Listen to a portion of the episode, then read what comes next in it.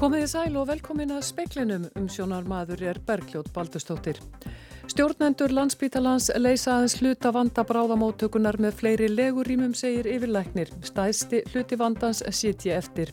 Tóra Aspelund, líf tölfræði profesor, segir jafnmark að vera fylgjandi ofinbörum og blönduðum rekstri í heilbreyðskerfinu sangkant konnun BSRB. Hins vegar taldi BSRB sömu konnun sína meiri hluta andvígan auknum engarekstri. Maður sem löðrungaði Fraklandsfósetta í gær á yfir höfði sér alltaf þryggjára fangelsi fyrir ofbeldi gegn ofinberum embættismanni. Kórónveru smitum og innlögnum á sjúkrahús fer fjölgandi í Breitlandi á ný, átta breytar af hverjum tíu eru komnir með mótefni gegn veirunni. Tölvuglæpir eru vaksandi vandamál hér á landi og víðum heim en laurugli yfirvöldi í bandaríkjunum á Ástralíu greindu frá því í gæra þau hefðu snúið á glæpægengi með aðstóð tölvutekninar. Rætt verður við sérfræðingi í tölvuöryggismálum síðar í speklinum og fjallaðum þriðja áfanga ramma áætlunar. Orkumálastjóri segir að stjórnsísla raforkumála virka ekki sem skildi, afar slæmt sé að þriðji áfangi ramma áætlunar verði ekki afgreitur fyrir þinglokk. Stjórnendur landsbyttalans hafa setið við undanfarnar tvo daga og leitað lausna á manneklu á bráðamótökunni.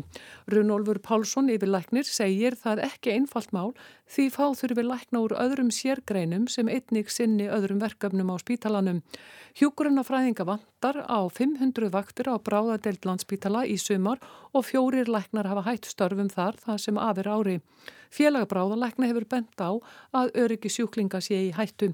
Runolfur vonar að ástandi sé tímabundið en ekki varanlegt. En auðvitað getur það komið einhver staði niður en þá snýtt undir forgansröðun og auðvitað ættum við til þess að svona ástand sé tímabundið. Þannig að ef þetta er varanlegt ástand, já þá veit ég ekki alveg á hvaða vegferðið erum. En þetta er búið að vera varanlegt ástand?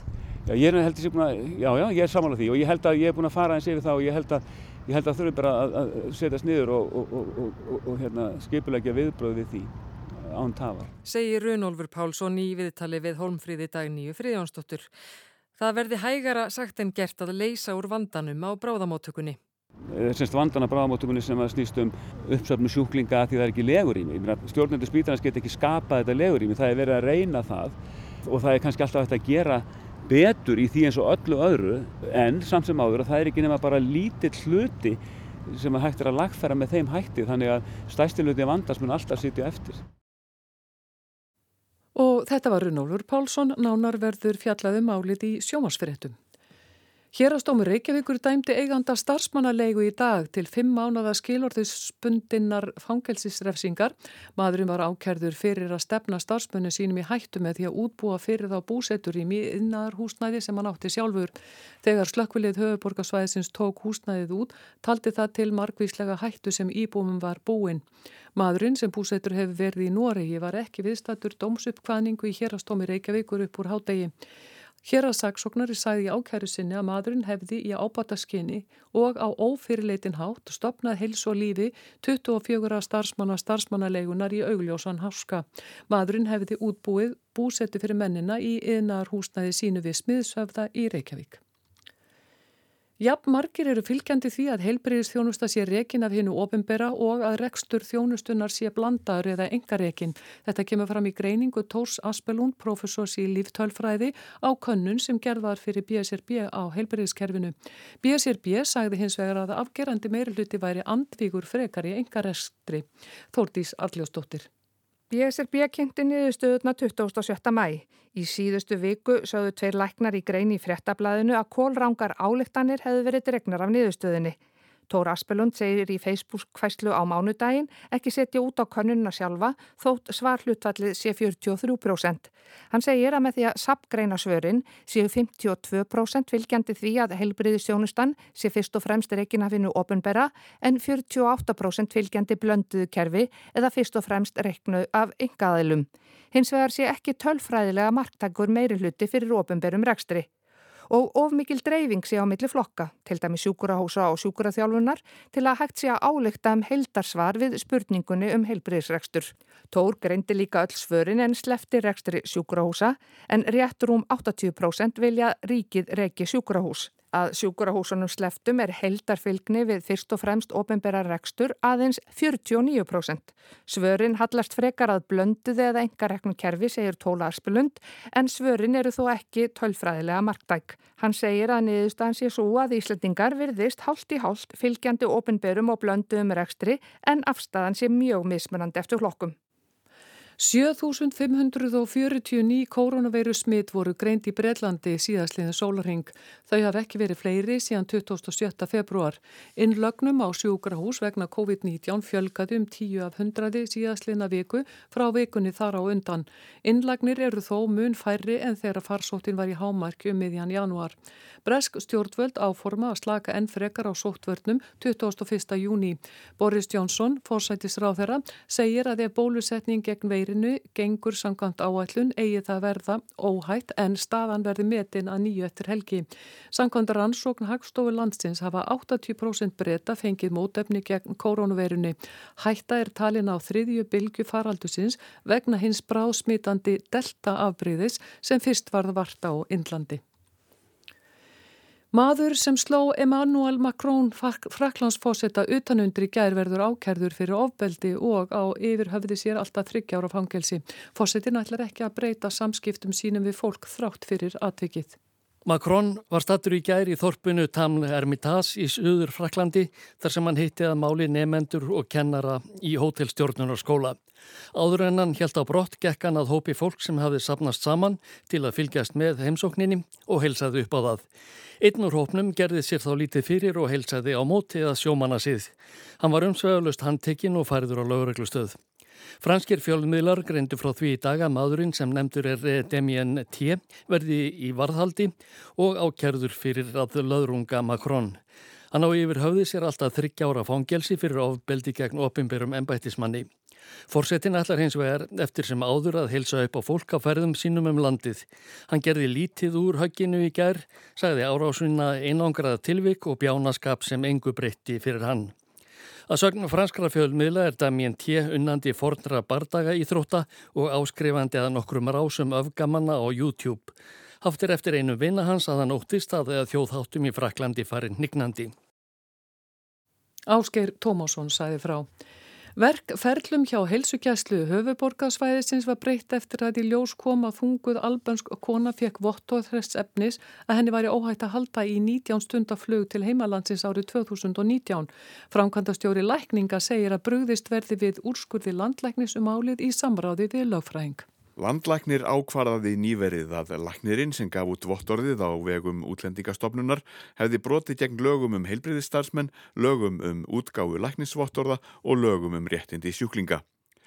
Sigriður Dóra Magnúsdóttir, framkvæmdastjóri lækninga hjá Hilsugjæslu höfuborgarsvæðisins, segir verkvellum hafa verið breytt í samráði við útlendingastofnun. Við erum ekki lengur að skrifa þessi vottorð, þannig að það má segja við fórum strax í það að fyrirbyggja að þessar aðstæður getur komið upp eftir. Þannig að þess, sem, það eru bara breytt vinnubröð hjá stofnuninni og við erum ekki að, við erum ekki að skrifa þessi vottur. Það er bara, það er útendingastofnun sem munum eftir að leita eftir þessum votturum hjá meðhandlandi lækni hverju sinni. Sigriður lítur það alvarlegum augum að viðkomandi læknir hafi enn ekki fengið niðurstöður landlæknis í hendur. Læknirinn fluttur landi vegna málsins. Við munum bregðast um þessum úrskunni með okkar lögmannu og, og, og samráði við hana að sjálfsögðu þannig að, að við getum ekkert sagt meira í bíli. Er, hún er ekki búin að sjá hennar lúskur eða. Og þetta var Sigurður Dóra Magnúsdóttir, Markus Þórhalsson talaði við hana.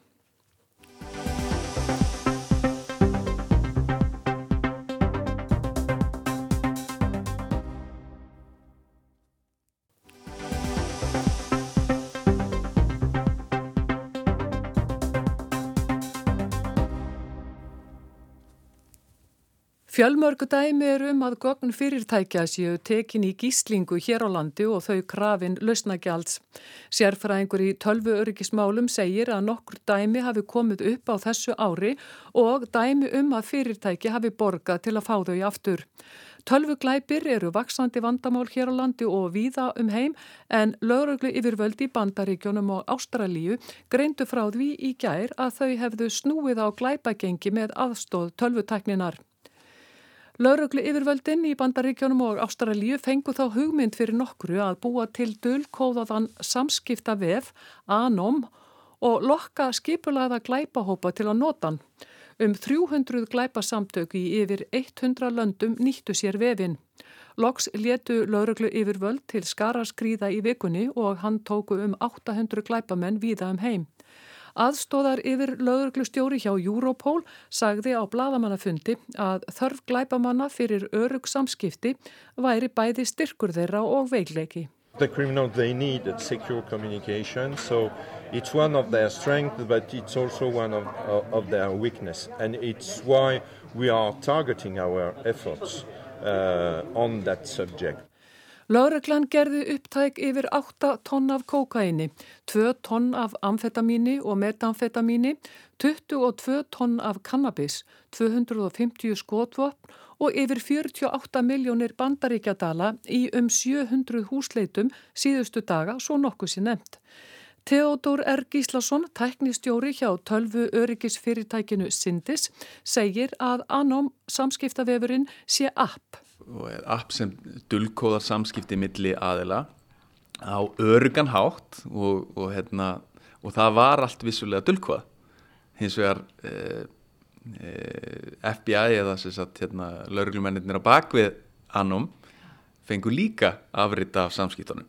Og gáttu náttúrulega af dullkóð þegar það voru með dullkóðuna liklana þannig að þetta var eh, bara baktir baktir inn í, inn í örg samskipti Fjölmörg dæmi séu um það að brotist sé inn í samskiptanett bæði glæpamanna og einnig fyrirtækja.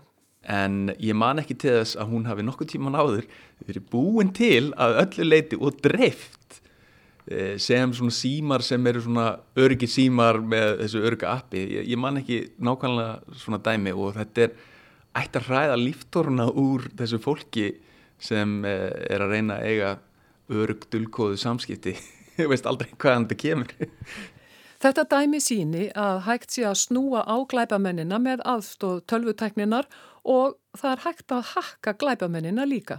Það eru, eru skilbúðin sem ég fæ út þessu og hérna fyrir þetta náttúrulega bara, þetta er eins og einhver bíómynd, svo, þetta aðvik hérna, en, en já það er hægt að hakka akkarna og hakkari er ekki bara minnfísin, það eru til jákvæður og góðir síðprúðir hakkarar kannski var þetta að segja. Þannig að, já.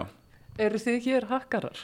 Já, við erum síðprúðir hakkarar hérna hjá Sindis og þetta snýst allt um það hjá okkur að, að reyna að brjóta kerfin á uppbyggilegan máta.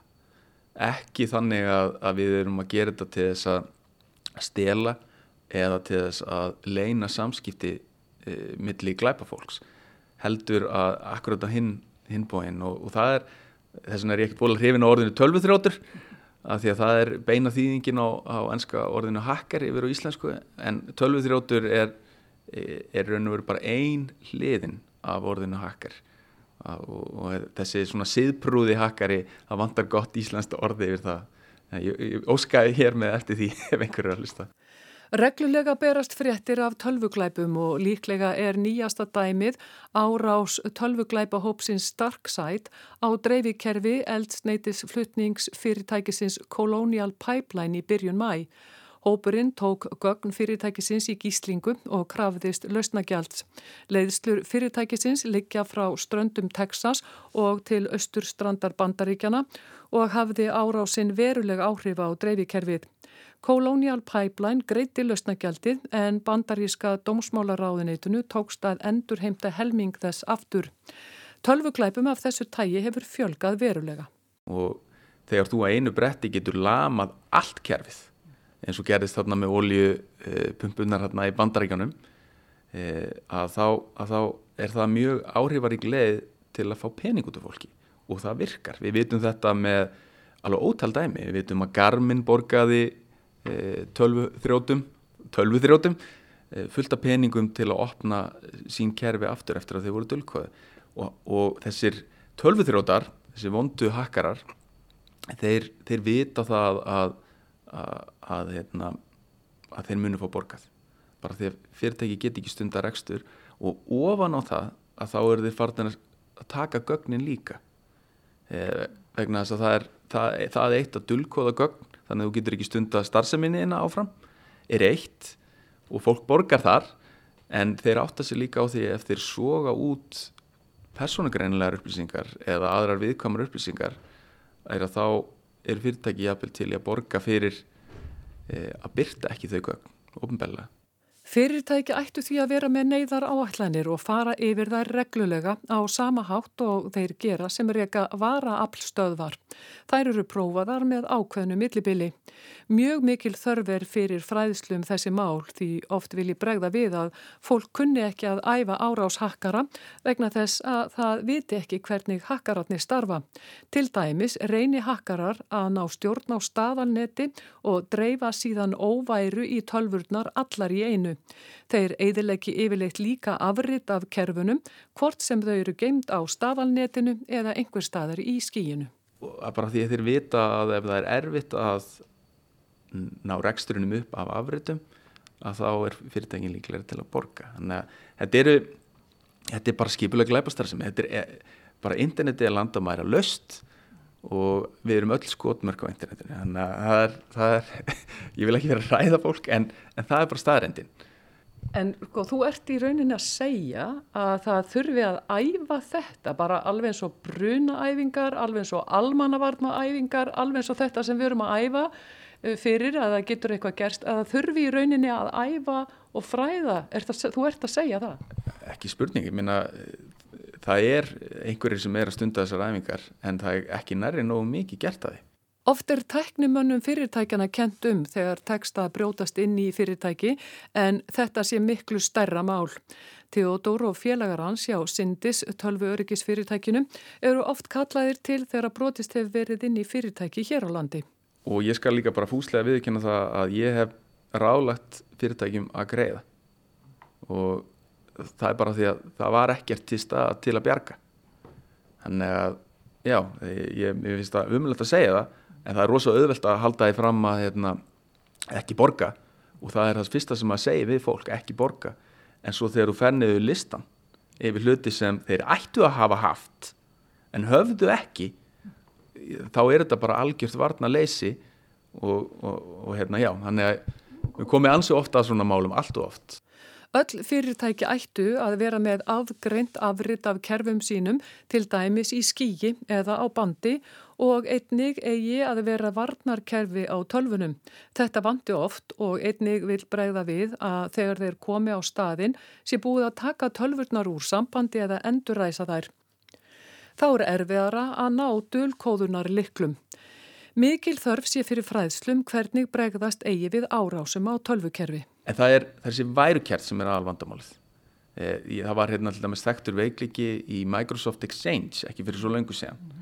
Og við erum ennþá að sjá leifar af þeirri, þeim veiklika núna, fyrir eitthvað sem kom fyrir lengur séðan. Að, að það er af því að fólk brást ekki rétt við. Lendi kannski að fá einhverja óværu og, og reynir að reynsa til en, en þeir reynsuð ekki nógu vel þannig að það er einhverja leifar hann eftir þannig að já, ég, ég myndi segja svona yfirleitt þegar maður kemur inn að þá er það bara orðið of seint og, og oftar en ekki er þetta fyrirtæki sem voru ekki búin að æfa sig Hvað hefur oft haft samband við ykkur út af svona? Hva, veistu eitthvað hvað er, hefur oft verið fyrirtæki eða stopnarnir teknar svona og látnar borga hér á landi? Ég get náttúrulega ekki sagt nákvæmlega en ég get sagt e, þó nokkru sinnum og nokkru sinnum á þessu ári Nokkrum sinnum á þessu ári hefur verið brotist inn í fyrirtæki eða stopnanir hér á landi og gögn tekin í gíslingu. Og ég veit að einhverju hafa borgað. Og þú myndir hvetja fyrirtæki hér til að gera hvað? Til að æfa þetta. Æfa þetta scenarjó. Æfa það eh, að einhver tekur yfir tölvukerfið þitt. Dulkóðar allt umhverfið þetta á einu bretti og þú lamaður. Hvað gerur svo? og hvernig bjargar þeir það er aldrei eitt svar við þessu en þess að ekkert eitt kerfi er eins en bara það að setja sig í þessi spór er fyrsta skrefið þannig að það er sem ég myndi mæla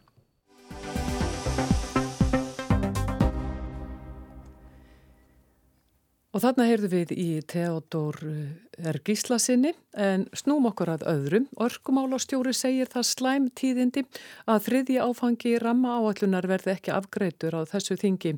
Ljóst sé að stjórnsísla raforkumála virki ekki sem skildi. Forstjóri landsvirkjunar segir tímabært að alþingi veldi fyrir sér hvernig þessi aðferð virki. Að hans mati sé komið að ákveðinni endastöð.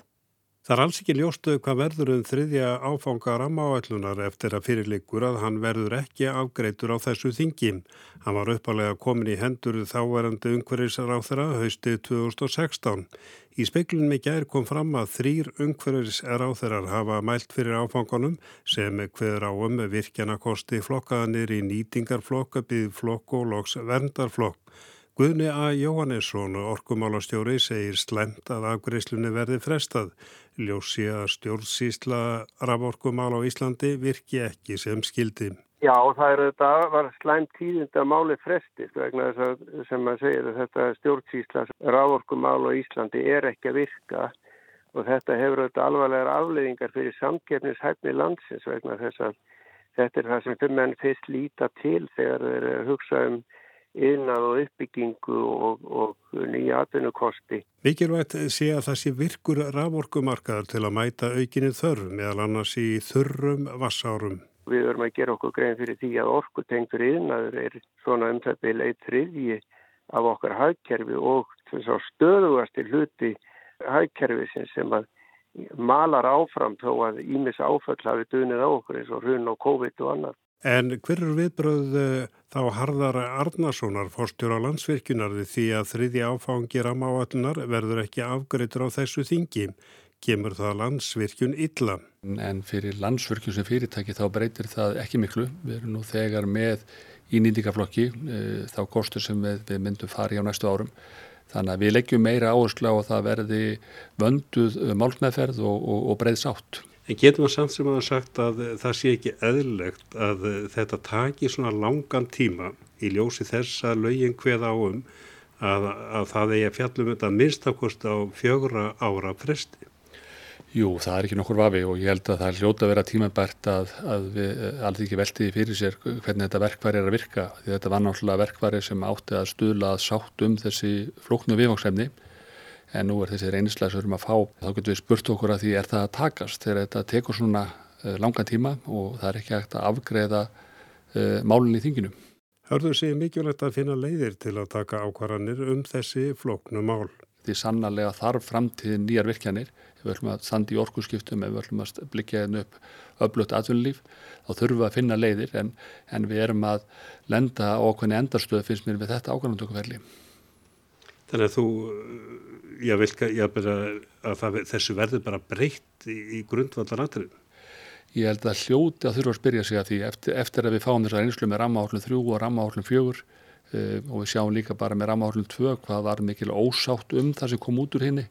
Uh, uh, þannig að ég held að þetta, við þurfum að spyrja okkur, erum við að ná þessu markmiðum sem lagt var upp með og eru, eru, eru til betri leiðir?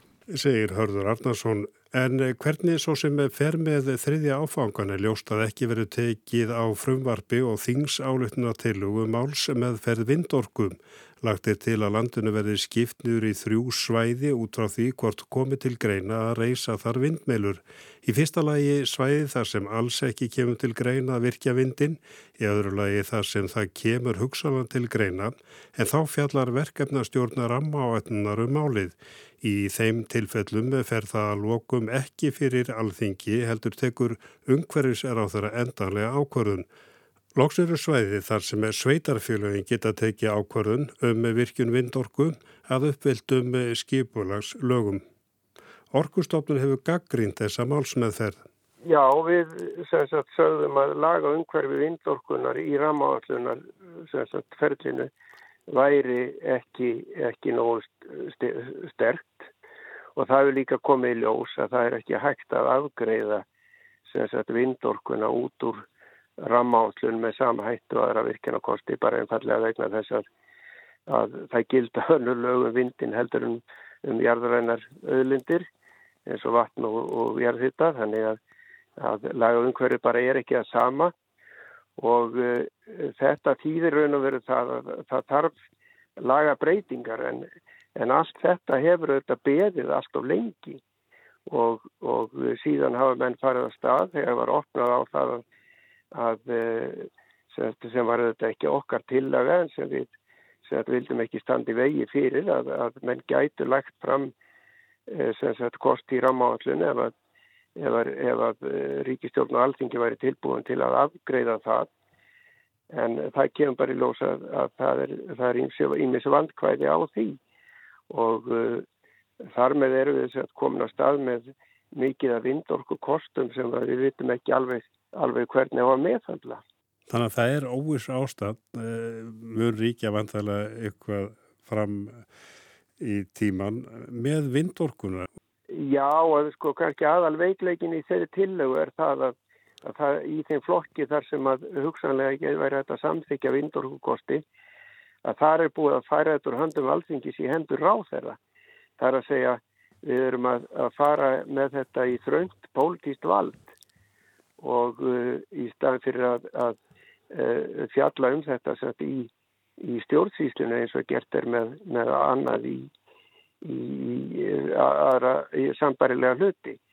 Þannig að, að Þarna eru menn uh, sem sagt, uh, þeir sem ætla að fara að fjárfesta í þessu uh, komnur upp á einhvers konar pólitíska náð sem sagt ráðherra og það er auðvitað í nútíma þjóðfélagi ekki boðlegt að, að við séum með, með slíka stjórnsýslu. Það er svona, svona átjándu aldar dönsk stjórnsýsla sem er laungu aflöðu á Íslandi. En finnst þér eh, mikilvægt núna að ykkur inn að taka af skarið með vindorkuna? Já, já, sko, mér finnst það mikilvægt vegna þess að vindorkan, hún getur sagt, verið gott innlegg í sagt, eh, rávorku framleiðsluna. Það er sérstaklega þar sem við þurfum að bæta í, kannski í minna, minna magni og, og svo framvegis. En það er algjör meðskilningur sem hefur verið haldið fram að nú þurfum við ekki að virka sagt í jarðhitta og að við virkjum bara vindorku í staðina því hún sé ódýrari. Það er raun og veru liggur ekkert fyrir sko eh, nákvæmlega hvaða kostnartölu við fáum í vindorku á Íslandi og síðan að vindorkan ein og sér hún, hún verður alltaf að vera vindorkan verður alltaf að vera í samspili við aðra orkumila vegna þess að hún einfallega að það gerist undir lokn á Íslandi hvort sem okkur líka betur að vera. Hörður Arnarsson, fórstur í landsvirkjuna, segir það vonbreyði að ekki verði tekið á málum um máls með ferðvindorkunar.